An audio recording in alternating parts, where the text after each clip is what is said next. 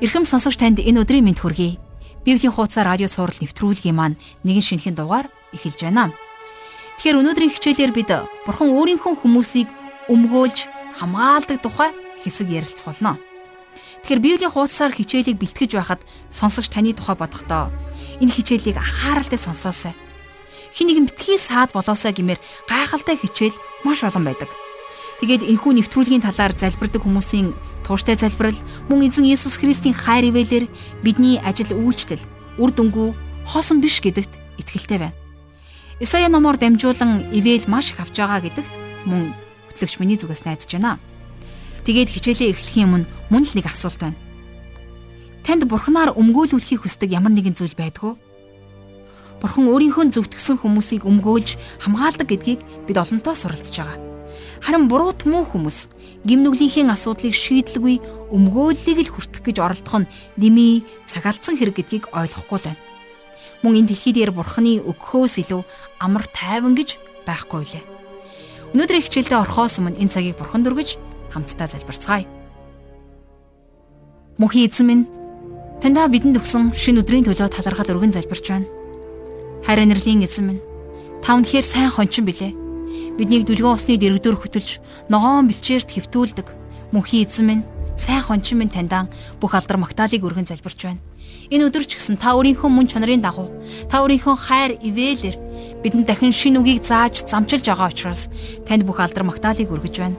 Хайр нэрлийн эзэн минь сонсож байгаа хүнийг болгоныг өөрийн ариун сүнсээрээ дагуулan хөтлөөрэй. Эзэн яригчин дээр өөрийн ариун сүнсний тослогоогоо та дүүрэн байлгаж өгөөрэй. Эзэн Хичээлийн энэ цагийг эхнээс нь дуусах хүртэл би таны мотор дүргэж эзэн Есүсийн нэрээр залбирanгуйж байна. Амен.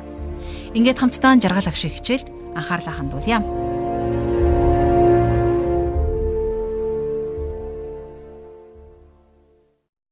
За Исаи номын өнөөдрийн судлал хичээлд бидэнтэй хамт байгаа сонсогч танд маш их баярлалаа.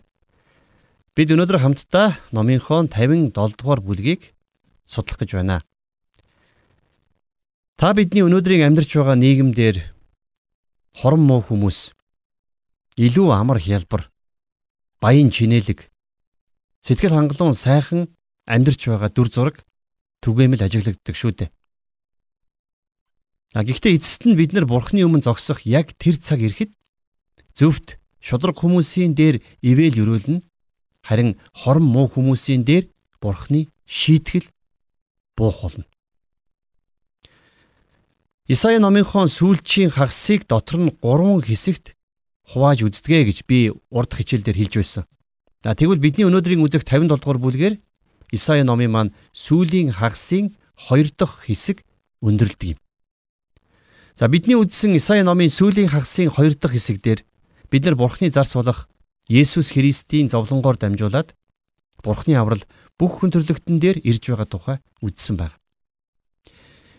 Энэ энгийн хэрнээ шулуухан үннийг даруухнаар хүлээн авч Есүс Христийг өөрийнхөө аврагч болгон итгэсэн хүн нь зөвхт байдлыг хүлээн авч харин энийг үл тоогсод нь өөрсдийнхөө амьдрал сонголтоороо явсаар эцэст нь шийтгэлийг авах болно гэдг нь тодорхой байдаг. Библиэлд хүний амьдралд ердөө хоёр янзын зам байдгаа гэж тодорхой хэлсэн байна. А нэг нь бартаатай нарийн зам, а нөгөөх нь бартаагүй өргөн зам. За тэгээд энэ хоёр зам эцэстэй хоёр өөр зогсоолд хүргэнэ. За энэ тухай Матай сайн мэдээ номон дээр бичсэн байгаа тийм ээ. За ингээд хамтдаа зөвхт хүний тухай болон хорон муу хүний тухай өгүүлсэн 57 дугаар бүлгийг судалж эхлэе. За 1-р эшлэлдэр зөвхт хүн мөхөх бөгөөд үүнийг хинч зүрхэндээ авдаггүй. Инэрл хүмүүсийг авч явхад хинч үл ойлгоно. Учир нь зөвхт хүнийг муугаас холдуулж за энд түр зогсоод ярилцъя.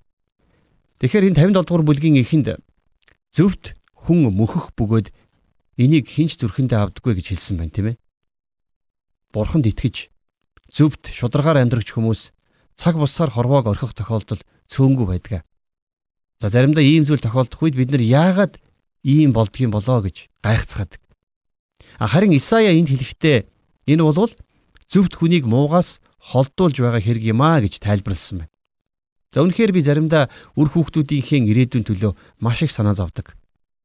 цаг үе улам бүр урууданд оройтсоор байгааг харахтаа ирээдүйд тэдний минь амьдрал яг ямар байх болоо гэхээс заримдаа үнэхээр их санаа зовдгийг.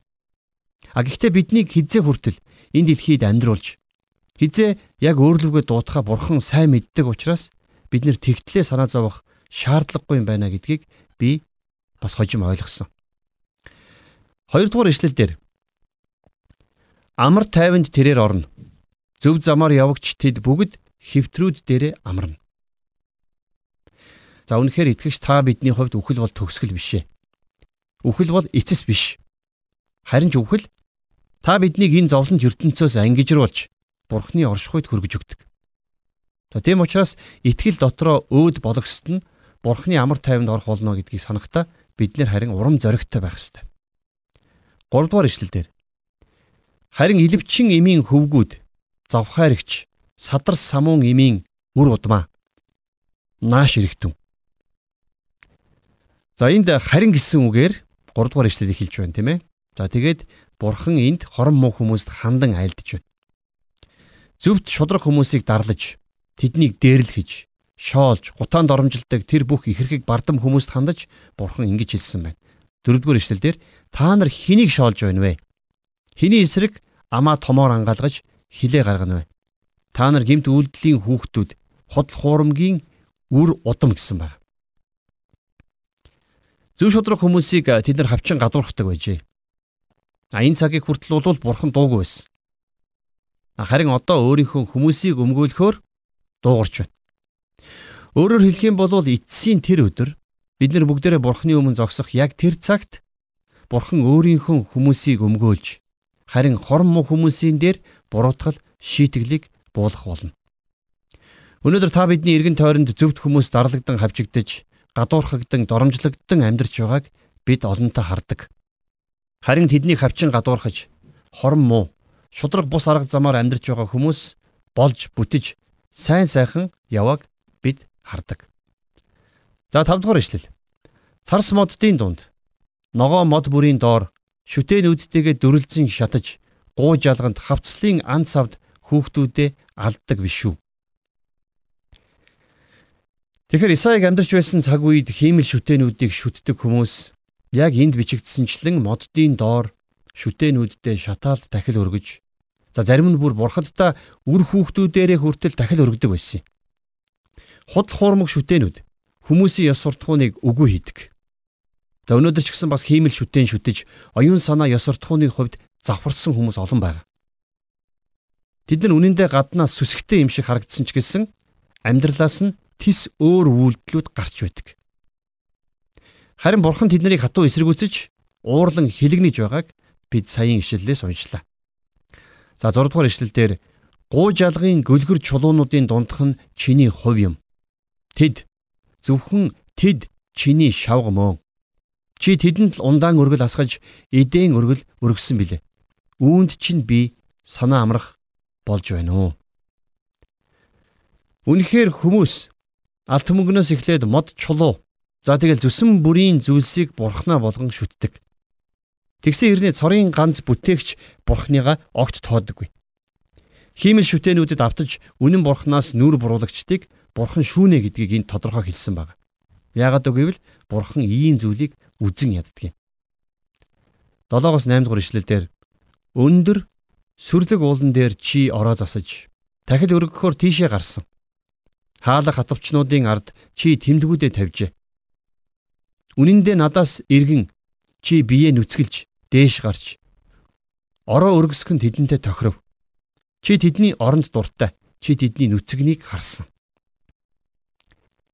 За өмнө нь бол хүмүүс гим нүглээ нууцаар үлддэг байсан. Харин цаг өнгөрөх тусам хүмүүс гим нүглээсээ ичиж зовхоо болоод гим нүгэл уламбар ил тод болсоор байна. Хүмүүс ч аажим аажмаар энэнтэйгээ эвлэрсээр байгаа. Одоо бидний эргэн тойронд үлдэгдэж байгаа гим нүглүүд өмнө нь байсан уу гэвэл байсан. А гэхдээ тэр үед хүмүүс гим нүглээ нууж хийдэг байсан. А харин одоо бол нууха болсон байна. За сүүлдээ баг гим нүглээрээ бахархаж Түүгээрээ гайхуулан сайрхах хэмжээнд очиод байна. Хүмүүс ижил хүүстэн гэдгээ нуухын оронд бахархалтайгаар зарладаг болж. Тэгээд хэл хахуул өгч ажил төрлөө амжуулснаа сайрхан ярьдаг болж. Завхаарсан, хулгайлсан, дээрэмдсэн, танхаарсан, хуурж мэхэлснээ эд хав болгон ярьдаг болж. Өмнө нь далдуур ярихаас жижигдэг байсан зүйлсийг одоо хүмүүс ил цагаанаар ярьдаг болсон байна. Гим нүглэгдэх хүмүүсийн амьдралын салшгүй хэсэг мэтэр төсөөлөгдөх болж.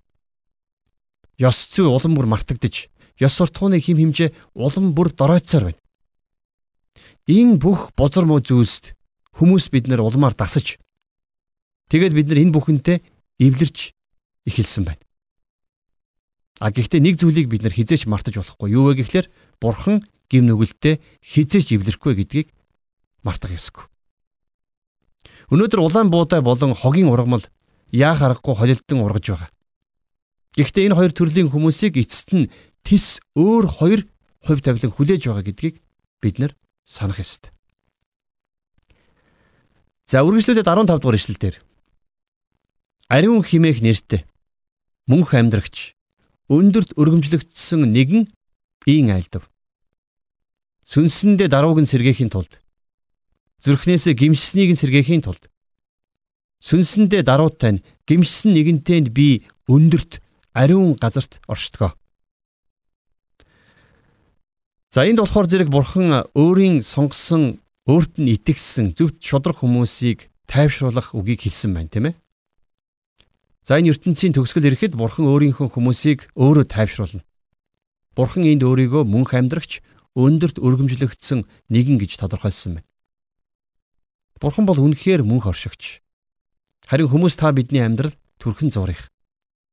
Энэ дэлхий дээр төр зур амьдраад өнгөрөх хүн төрлөختөнд хандаж өөрт нь итгэхийг мөнхийн бурхан эзэн уриалан дуудаж байна. Хүнд биш. Бурханд итгэхийг уриалж байна. Хэрвээ хүмүүс бид нар бурханд итгэх юм бол түүний өмнө даруугаар ирж түүний өмнө чин зүрхнээсээ гимших юм бол бурхан тэднийг сэргээж тэдэнтэй хамт мөнхөд өөрийн ариун газарт хамт байх болно гэдгээ энд хэлсэн байна.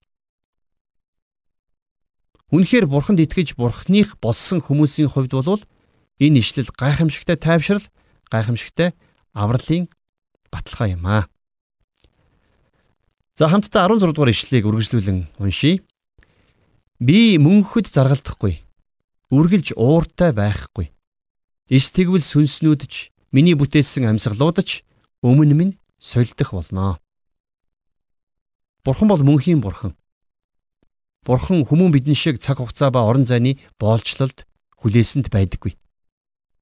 А гэхдээ тэглээгээд бурхан гим нүгэлд мөнхөд уурлахгүй гэдгээ энд хэлсэн байна. Яагаад гэвэл цаг нь болоход бурхан гим нүглийг ор мөргөө устгаж өөрийн хүмүүсийг гим нүглээс үүрд чөлөөлнө.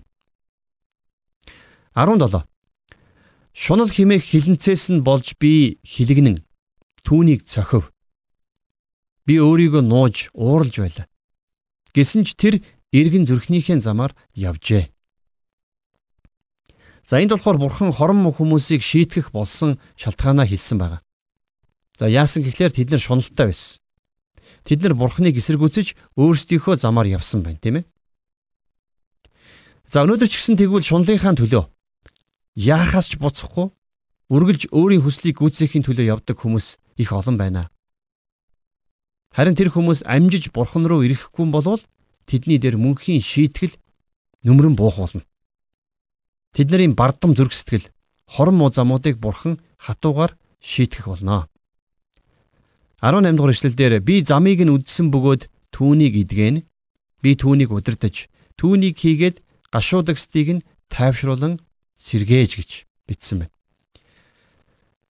За энд төр зогсоод ярилцъя.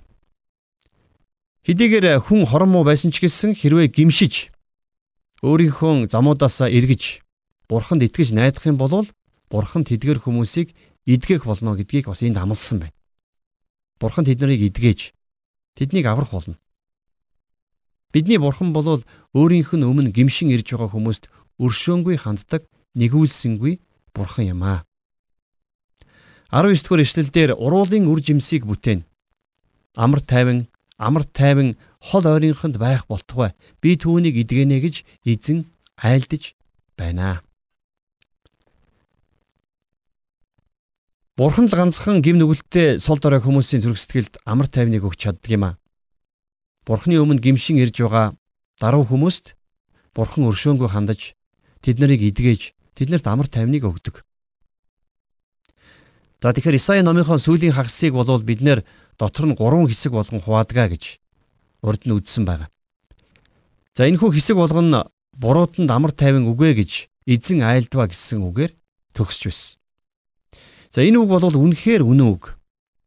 Хүн төрлөختний түүх бол нарийнда дандаа л дайн тулаан тэмцэл хүчирхийллийн түүх байсан. За зөвхөн улс үндэстнүүд ч биш. Хувь хүмүүс ч бас өөр хоорондоо өрсөлдөн тэмцэлдэж л байдаг. Бизнесийн ертөнц, нийгмийн харилцаа, шашны ертөнцид ч ялгаагүй хүмүүсийн дунд ширүүн өрсөлдөөн өрнөсөөр байна. Бид нар хаа явсан газартаа үргэлж өрсөлдөөн тэмцлийн талбар дээр зогсож байдаг. Ийм нийгэмд хүн зүрхэндээ амар тайван амьдарч яасан ч чадахгүй. Угаасаа буруутанд амар тайван гэж үгүй гэж бурхан хэлсэн.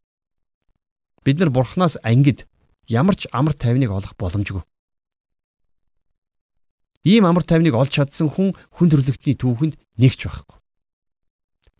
20 дугаар ишлэл. Гівч буруутуу дайвалзах далай мэд. Тэр нь дөлгөөн байж ис чадах агаад хог шавраа ус нь гаргаж шидэлдэг. За энэ 20 дугаар ишлэл болвол буруутай хүмүүс буюу хормоо замаар амьдрагч хүмүүсийг хамгийн оновчтой зөөрлөж хэлсэн зөөрлөл байна гэж би хувьдаа боддог.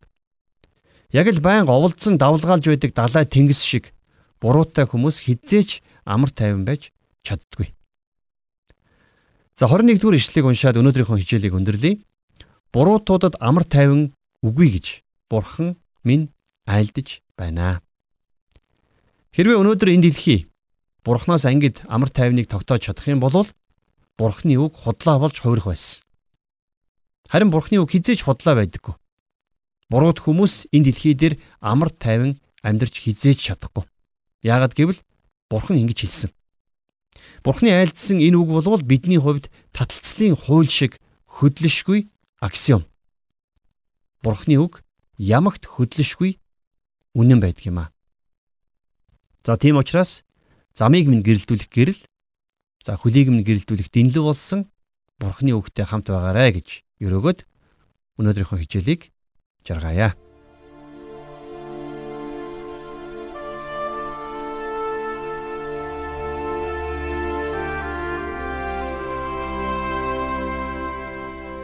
Тэгэхээр өнөөдрийн хичээл энэ хүрээд өндөрлөх гэж байна. Нэг удаа хүн шоронд байгаа эмэгтэйг тайвшруулахаар эргэж утсан юм. Гэтэл харамсалтай нь нэг биш.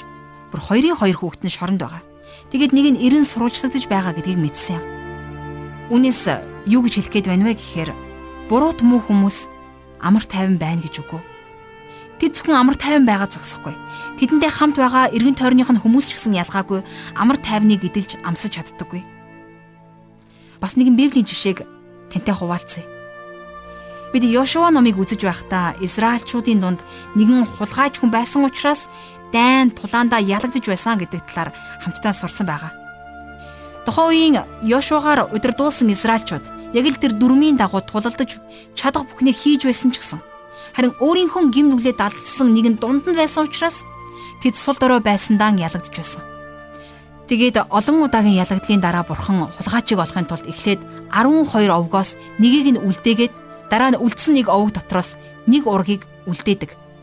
Тэгээд дараа нь үлдсэн нэг ураг дотроос нэг гэр бүлийг үлдээн. Тэгээд тэр гэр бүлээс хулгайчийг илрүүлэн илчилдэг. Яг үүнтэй адилхан буруут муу хүн өнөөдрийн хичээл дээр үдсэнчлэн хизээч амар тайван байдаггүй. Тиймээс хин нэгэн буруутан гемт хэрэгтний тухай бодхоос өмнө эхлээд өөрсдийнхөө дотор байгаа магадгүй далдлагдсан тэр буруу зүйлийн тухай бодох нь илүү дээр юм. Ягаад тэр хизээ нэгэн цагт ялц юм үүрэг хариуцлах нь ганцхан тань дээр эсвэл над дээр ирэхгүй гэж болох юм. Миний таны үр удам дээр ирүүл яана. Энэ тухай бодож эзэнт хамтдаа залбирах цагийг гаргацгаая. Хамтдаа залбирая.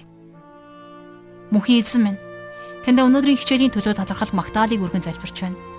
Таны үг үргэлж хоёр талдаа эртээ илд мэд хурц шидэмгий байдаг билээ. Таны үг засч залруулахын тулд зөв рүү чиглүүлэгдэхийн тулд байдаг үнний иш үзүүлэг байдаг. Мөнхийн эзэн минь, энэ цаг мөчид бид таны амьд ариун үгээр дамжуулан бид таны ариун сүнсний оршуу дотор бид нэгэн зүйлийг шалган гуйн залбирч байна. Эзэн миний дотор, эзэн бидний дотор далдлагдсан буруу зүйл байгаа бол, далдлагдсан буруут муу гимт чанарууд байгаа бол яг энэ цаг мөчид та илчлэн харуулаарай. Тэгээд их эзэн минь ээ бид тэдгээр гим нүглүүдээс, тэдгээр хорон муу зүйлсүүдээс ялгарч, ангижрагч, эзэн цэвэршүүлэгдэж, чөлөөлөгдөж таны хаанчлалын төлөө зөвхт ариун нэгэн болж тооцогдохыг хүсэж байна. Эзэн бас хизээ нэг цагт үүрэх үүрэг хариуцлага маань ял зам маань бидэнд дэш бидний үр удамд ирэхүй гэхээс бид айн имэж бид таны өмнө санаа нэгдэн залбирч байна. Эзэн биднээс болж бидний алдаа зөрчлөөс болж үр удам маань цээрлэгдэж ял зам үүрэхгүй байхын төлөө гун залбирч байна. Өнөөдөр бид алдаагаа ухамсарлаж нүдэрээ, оюун бодлороо, амаараа, гар хүлээрээ үйлдсэн альва гим нүглээ гимшин улайж тэдгээр зүйлсийг дахин үйлдэхгүй байж гимшил цохостой үр жимс гарган амьдрахад та бидэнтэй хамт байгаарай. Эзэн минь та бидний үр удмыг үр хүүхдүүдийг ивэж өрөөж ажиллах болтугай. Бүх зүйлийг танд үргэж эзэн Есүсийн нэрээр залбирanгуйлаа. Амен.